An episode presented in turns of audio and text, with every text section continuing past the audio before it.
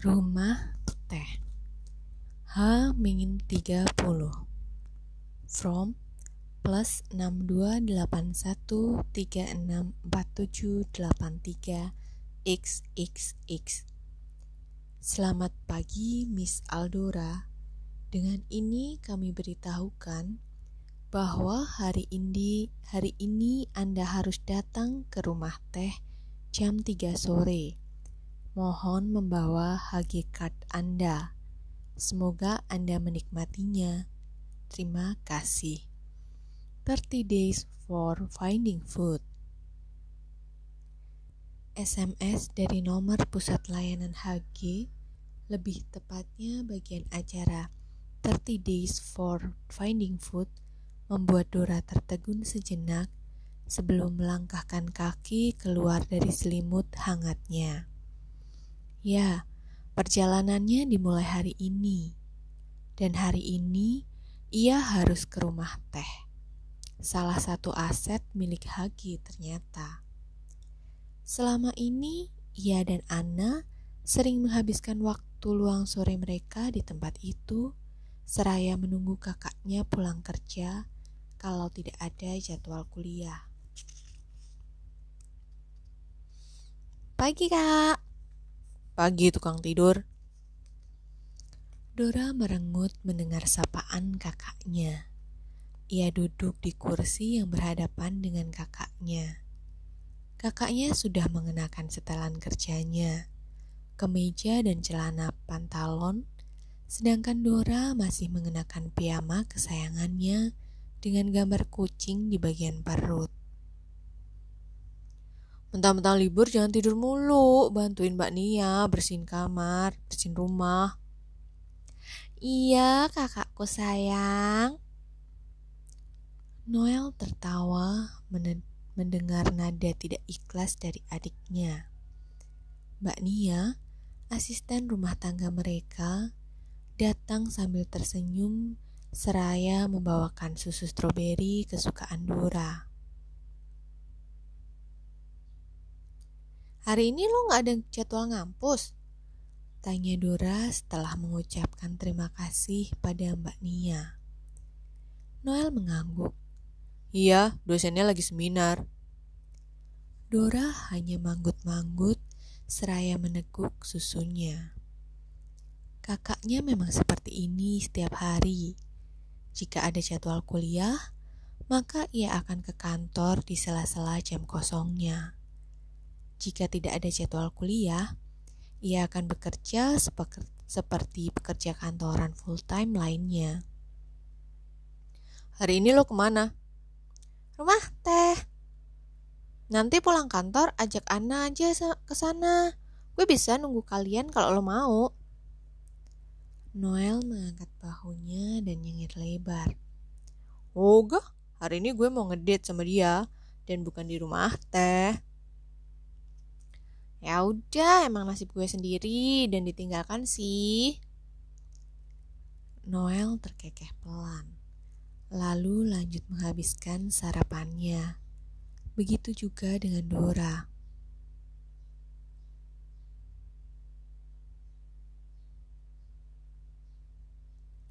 Aldora! ya ampun Aldora, lo kenapa? Baik-baik aja? Noel hanya menggelengkan kepala melihat Sevi yang kini tengah menepuk bahu Dora yang sedang tersedak. Jelas-jelas teriakan gadis itu yang menyebabkan Dora tersedak. Sevi, gue rasa lo harus tinggal di hutan. Ejek Noel. Sevi hanya mendecakkan lidahnya kesal. Gue pergi dulu, dah. Dora yang masih terbatuk hanya mengangguk gusar. Sevi menatap Dora khawatir, tidak menyangka sahabatnya itu masih saja seceroboh ini. Masa hanya karena mendengar suaranya, Dora bisa tersedak seperti ini sih? Udah mendingan, Tanya Sevi setelah Dora tidak terbatuk lagi. Bukannya menjawab, Dora malah berkacak pinggang dan menatap gadis berambut ikal di sampingnya ini dengan tajam. Lo ngapain ke sini? Perasaan gue dua hari yang lalu lo bilang mau ke Bali deh. Dengan cepatnya, ekspresi khawatir Sevi terganti oleh ekspresi riang dan penasaran. Ia duduk di kursi sebelah Dora, lalu menatap Dora tak percaya. Gimana gue bisa ke Bali? Sedangkan sahabat gue lolos jadi peserta sayembara impiannya ini. Dan sahabat gue ini gak bilang-bilang ke gue. Kini gantian Dora yang nyengir bersalah. Kedua jaringnya teracung membentuk huruf V. Maaf deh, yang baru gue kasih tahu juga cuma Kak Noel sama Ana. Oh, sahabat macam apa lo? Jadi lo batalin liburan lo karena gue? Tanya Dora tanpa mengindahkan kalimat sindiran Sevi barusan. Gak juga sih. Sevi nyihir lebar, membuat Dora yang tadinya sudah terharu jadi cengkel.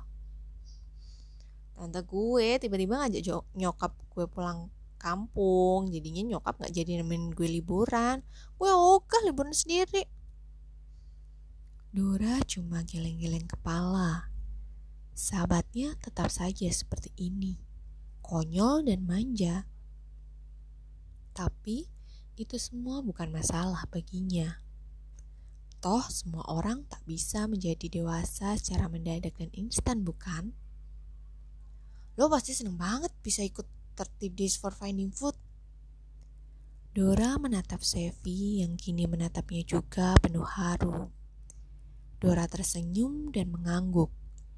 Sevi juga salah satu orang yang benar-benar tahu sebesar apa harapan Dora untuk lolos sebagai peserta acara ini. Ron Ronald pasti seneng kan? Kali ini bukan Dora yang ingin menangis, melainkan Sevi. Matanya memanas ketika Dora menanyakan hal itu. Hal yang jawabannya pastinya hanya Dora lah yang tahu. Tapi untuk kali ini, Sevi memilih untuk mengangguk. Sebenarnya, dia pasti seneng kalau lo juga seneng. Selagi menunggu jam 3, sejak pagi Dora dan Sevi memilih untuk jalan-jalanan di sekitar kompleks perumahan Dora bermain di taman seperti bocah, jajan di pedagang kaki lima, hingga melirik cowok keren yang lewat taman kompleksnya. Khusus yang ini, Dora hanya duduk diam mengamati Chevy yang asik senyum sana-sini dan disenyumin balik oleh beberapa kaum adam tersebut. Lo gak pegel apa? Dari tadi senyum mulu gitu. Dora menatap Chevy heran. Sedangkan yang ditanya masih kasih senyuman ke cowok yang lewat baru menoleh ke arah Dora. Gak pegel kok, kan senyum itu ibadah. Dora mencibir.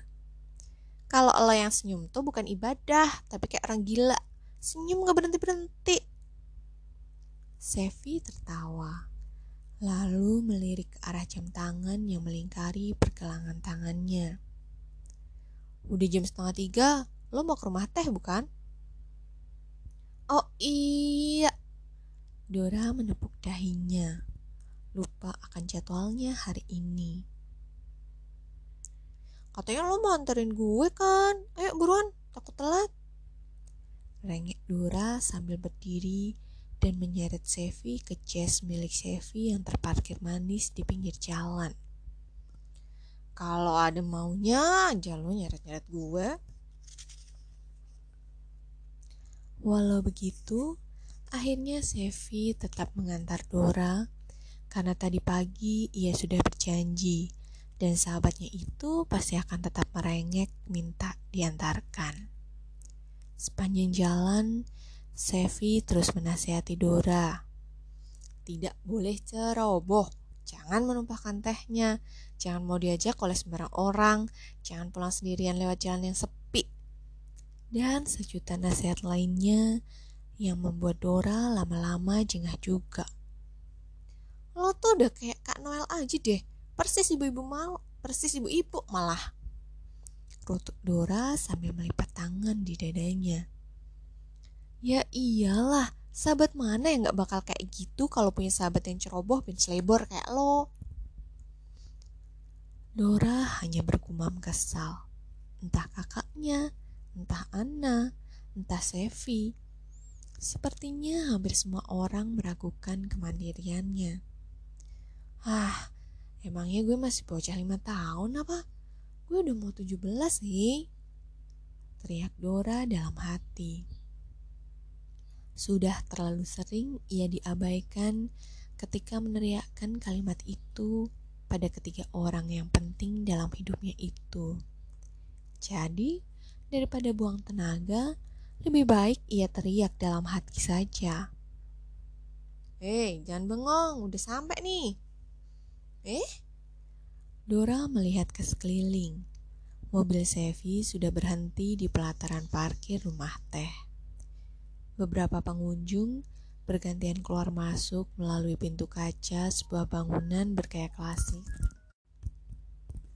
Beberapa pengunjung bergantian keluar masuk melalui pintu kaca sebuah bangunan bergaya klasik dengan warna serba putih tersebut.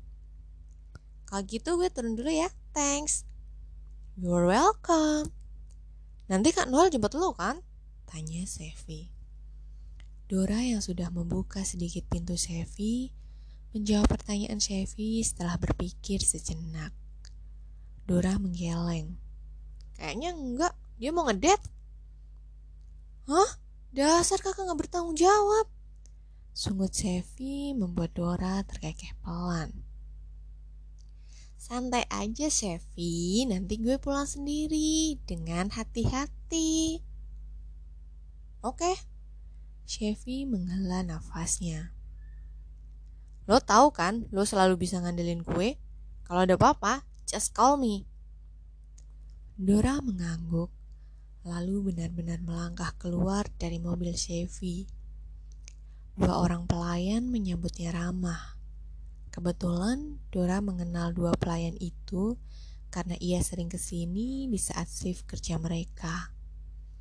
Ia memilih duduk di dekat jendela, toh ia sendiri. Jadi waktunya di sini hanya untuk makan dan melihat pemandangan di balik jendela.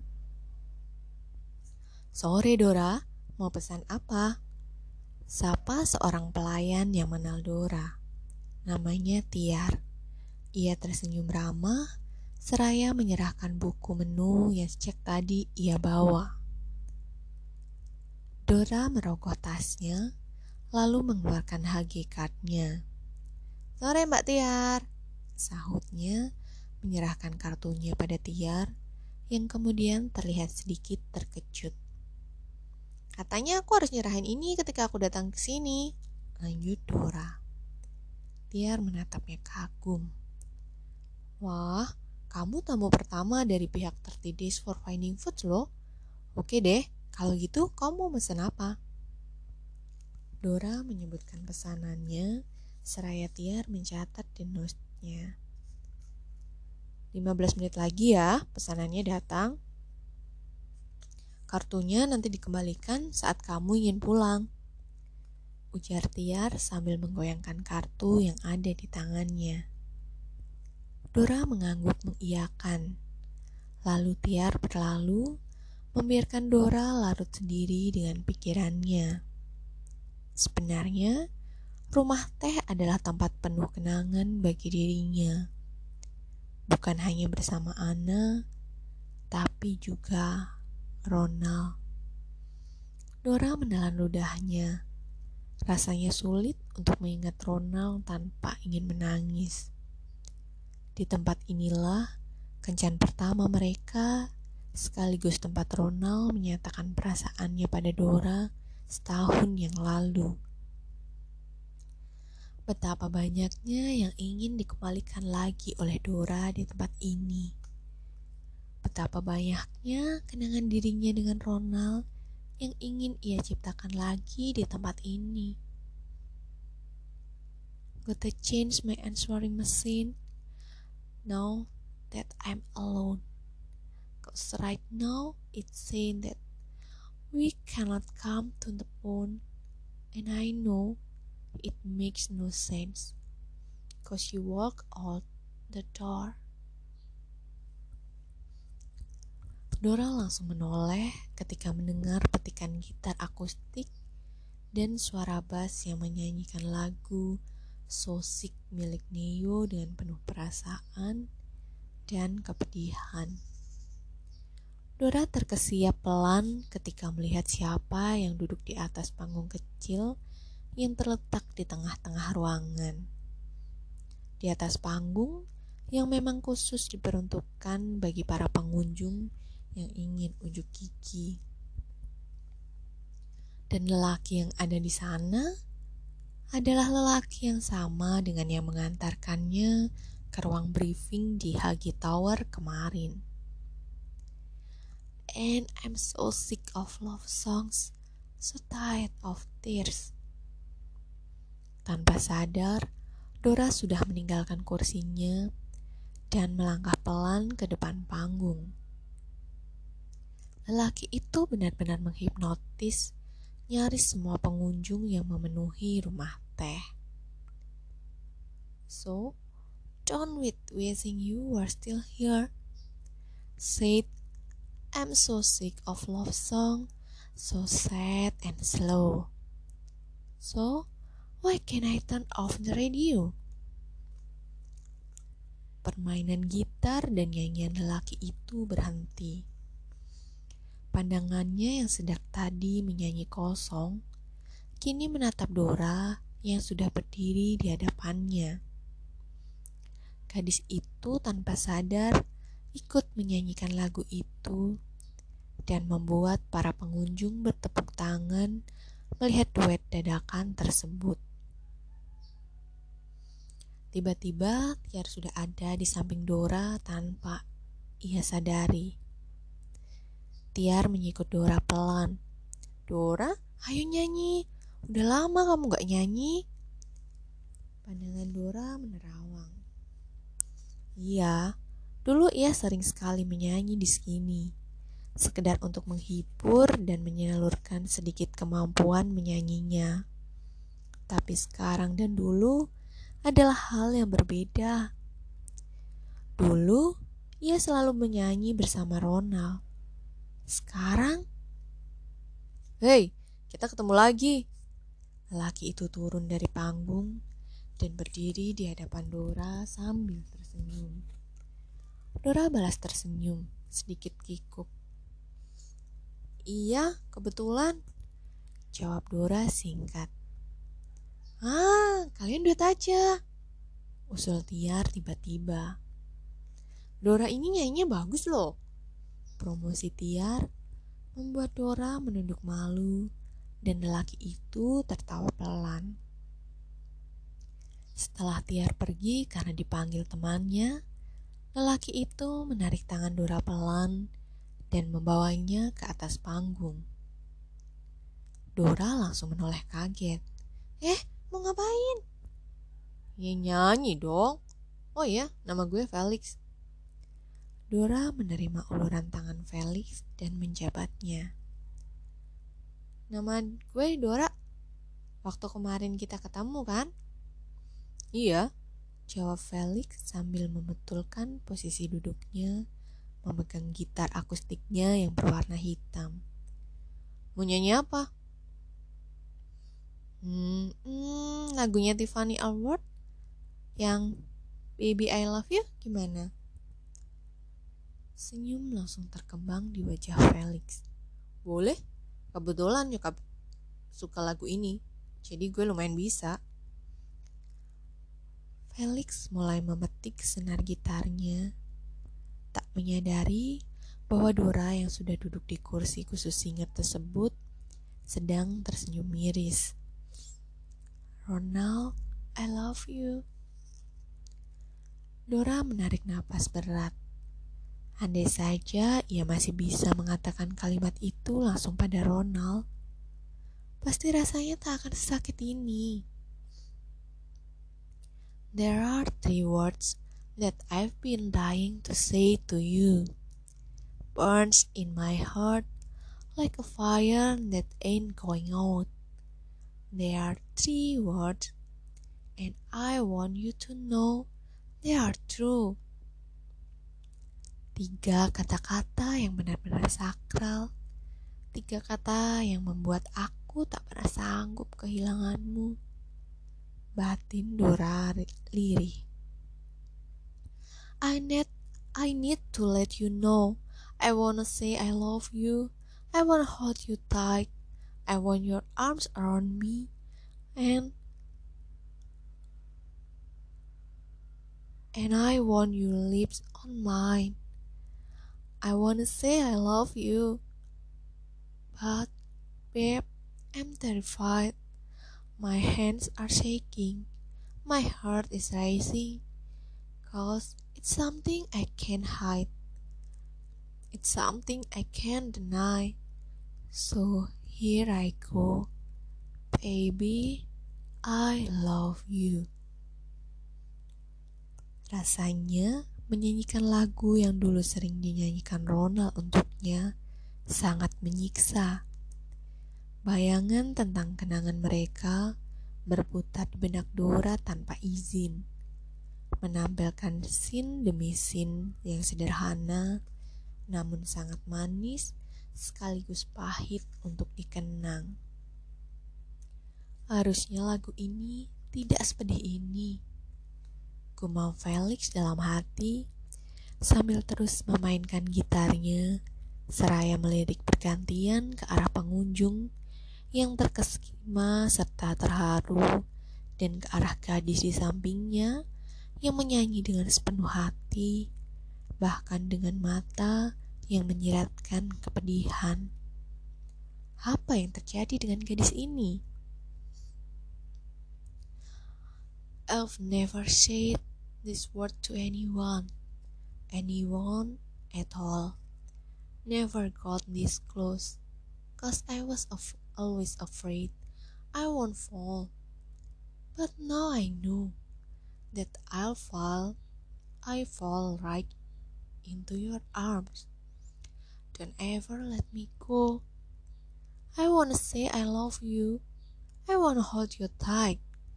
I want your arms around me, and I want your lips on mine. I wanna say I love you, but babe, I'm terrified. My hands are shaking, my heart is racing, cause it's something I can't hide, it's something I can deny.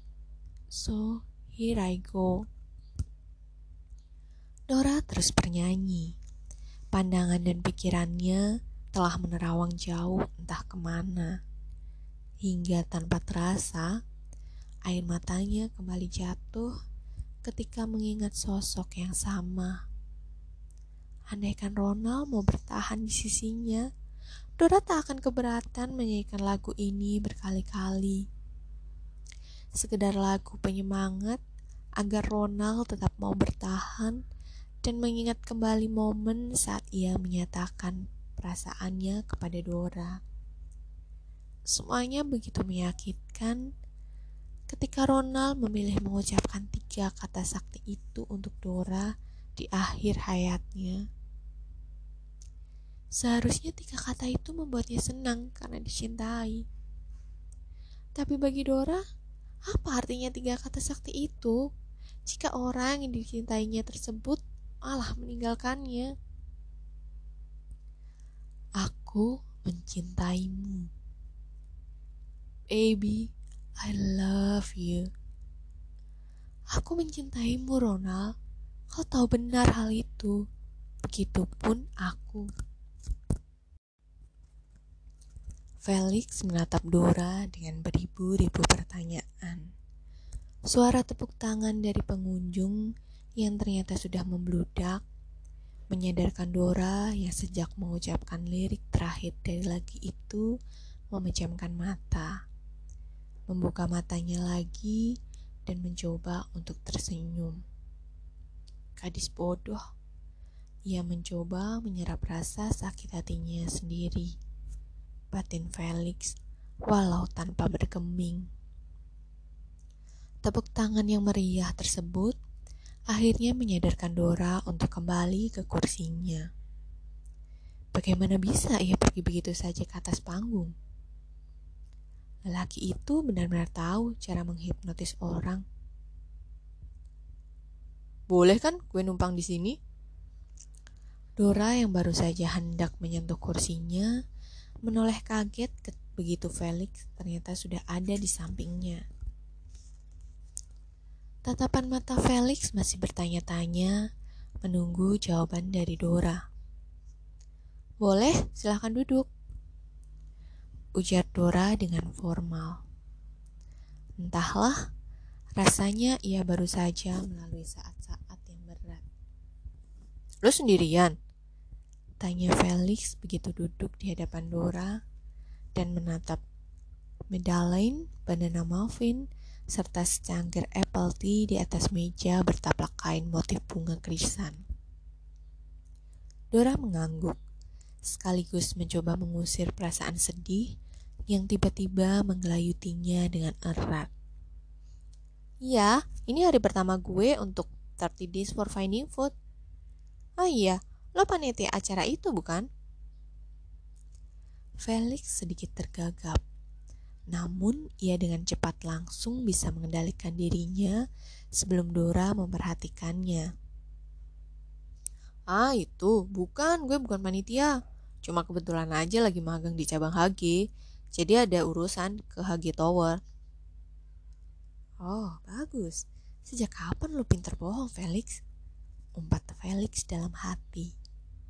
Namun ia bersyukur gadis di hadapannya tidak terlihat curiga dengan kebohongan mulus yang baru saja dilontarkan mulutnya. Oh, gitu. Responnya pendek mengus sambil mengusap dagunya pelan membuat Felix tenang namun tak bertahan lama. Kalau lo bukan panitia, kenapa lo tahu nama gue dan nganterin gue? Backsound halilintar rasanya yang paling pas untuk situasi seperti ini. Hmm, itu temen gue yang panitia kebetulan minta tolong sama gue. Dia nunjukin foto sama identitas lo, supaya kalau gue ketemu lo, gue bisa nganterin lo daripada nyasar. Dora manggut-manggut. Setelah itu, ia tak bertanya lagi dan memilih memakan madeleine dengan lahap. Membuat Felix dapat mengembuskan nafas lega perlahan. Tidak mungkin kan dia menjawab kalau dia mengenal gadis ini karena mereka dijodohkan? Bisa-bisa gadis itu menyemburkan apple tea-nya langsung ke wajah Felix. Lo makan kayak orang kelaparan aja. Komentar Felix sambil geleng-geleng kepala melihat kelakuan ajaib Dora. Dora mengangkat bahunya cuek. Maaf ya, gue kalau makan emang selalu semangat sih. Seseneng atau sesedih apa pun, makan gue tetap sama. Liar. Felix ikut tertawa. Tidak menyangka bahwa mood Dora akan berubah secepat ini hanya karena makanan. Felix masih ingat bagaimana muramnya Dora sejak menyanyi hingga ia kembali ke kursinya. Setelah memakan Madeleine pertamanya dan menyesap tehnya, tiba-tiba ia berubah menjadi sosok periang yang sangat suka makanan. Dia tidak punya kepribadian ganda, kan? Ah iya, suara Dora membuat Felix kembali ke dunia nyata. Lo keren pas nyanyi lagunya Nio. Lo sering manggung di sini. Felix akhirnya memilih lebih lirek, menyandarkan punggungnya ke kursinya. Enggak kok, ke sini juga baru pertama kali. Tadi itu iseng aja. Wow, iseng aja bisa keren gitu. Sekali lagi, komentar polos dari Dora berhasil membuatnya tertawa. Biasanya, Felix lah yang selalu menjadi penghibur bagi semua orang, membuat orang lain dapat tersenyum dan tertawa bahagia, walaupun dirinya dalam kondisi yang mengkhawatirkan. Tapi kali ini, Tuhan seolah mengirimkan Dora untuk menyadarkannya bahwa mungkin saat inilah ia bisa menjadi dirinya sendiri dan melepas topeng bahagianya barang sebentar. Wah, itu pujian. Semacam itu. Nggak mungkin seseorang ngehina orang lain dengan kata keren, kan? Lu bener juga. Lo anak band ya?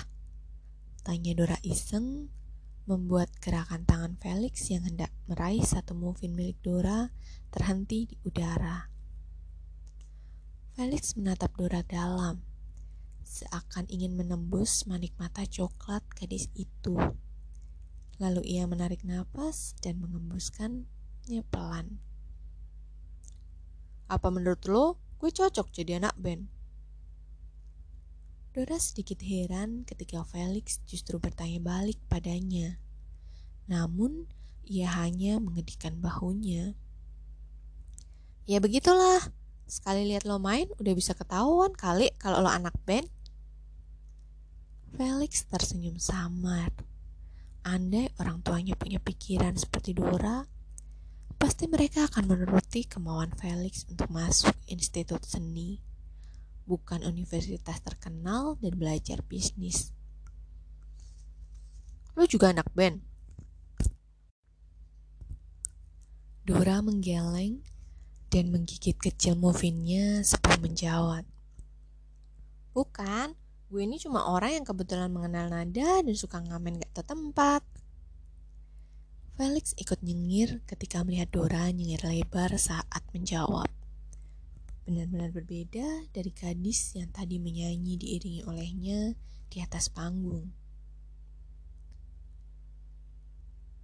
Apa yang bikin lo seneng makan? Hmm, pertanyaan yang agak absurd bagi Dora. Memangnya kalau suka makan harus ada alasannya. Gue bukan suka makan, gue cinta makan. Satu alis Felix naik ke atas. Cinta makan? Bukannya makan itu cuma sebuah kebutuhan ya? Dora menggelengkan kepalanya tidak percaya sambil menatap lurus Felix. Memang itu kebutuhan, tapi makan adalah satu hal yang benar-benar bisa bikin hati gue tenang dan nyaman. Sama kayak lo lagi jatuh cinta. Seseorang yang lo cinta itu bisa bikin lo tenang dan nyaman. Dan lagi pula, gue gak punya alasan tertentu untuk cinta makan. Cinta gak butuh alasan.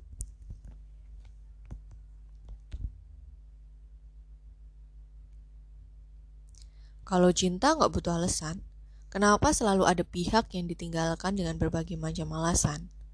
Kalau dia pergi dengan alasan, berarti selama ini mereka saling mencintai karena alasan. Kalau cinta nggak butuh alasan, harusnya nggak ada alasan juga dong untuk pergi. Dora meresapi satu demi satu kalimat yang meluncur dengan mulus dari bibir Felix. Lalu dengan santainya, Dora terbahak-bahak sambil memegangi perutnya. Lo kenapa? Perasaan gue bukan ngelawak deh. Komentar Felix heran ketika Dora dengan ajaibnya malah tertawa puas. Lo tuh curhat ya? Wajah Felix memerah. Sial benar dirinya. Ini Dora yang cepat membaca seseorang atau memang dirinya mengatakan hal yang tidak-tidak dan mudah terbaca? Felix mengusap tengkuknya yang tak gatal. Lalu pandangannya beralih ke Dora lagi. Lupain aja apa yang gue omongin tadi. Lo tuh lebih tua daripada gue. Harusnya lo yang lebih ngerti tentang hal ini. Karena pasti lo udah lebih paham daripada gue. Felix tercenung saat mendengar penuturan Dora. Sampai tidak disadarinya, Seorang pelayan datang untuk memberikan kartu milik Dora dan gadis itu sudah bangkit dari kursinya. Gue duluan ya, pamit Dora pada Felix yang asik melamun. Felix pun tersadar, lalu langsung ikut berdiri. Biar gue antar, ujarnya sambil menggandeng tangan Dora menuju mobilnya. Eh, gak usah. Dora mengangguk pelipisnya walau tidak gatal. Felix yang baru saja hendak membukakan pintu mobilnya untuk Dora berhenti sejenak. Kenapa? Takut ngerepotin dan kakak gue agak protektif. Gue cuma takut lo diinterogasi berlebihan sama kakak gue. Mau tidak mau, Felix tertawa melihat kegugupan Dora. Rasanya, tanpa bertemu dengan kakak Dora, ia mengerti kenapa kakaknya itu protektif. Dora itu sangat polos dan ceroboh. Mengingat sejak mereka memutuskan untuk pulang, Dora terus tersandung. Untung saja ia tidak tersungkur ke lantai. Udah gak apa-apa, gue bersedia ditanya-tanya dan tenang aja, gue gak bakal macem-macem. Akhirnya, Dora mengangguk pasrah. Setidaknya, Lelaki ini baik dan sangat supel. Ia mampu membuat siapa saja nyaman berada di dekatnya. Walaupun ia tahu ada kesedihan yang sengaja disembunyikan oleh Felix. Tiap orang punya kesedihannya sendiri, bukan?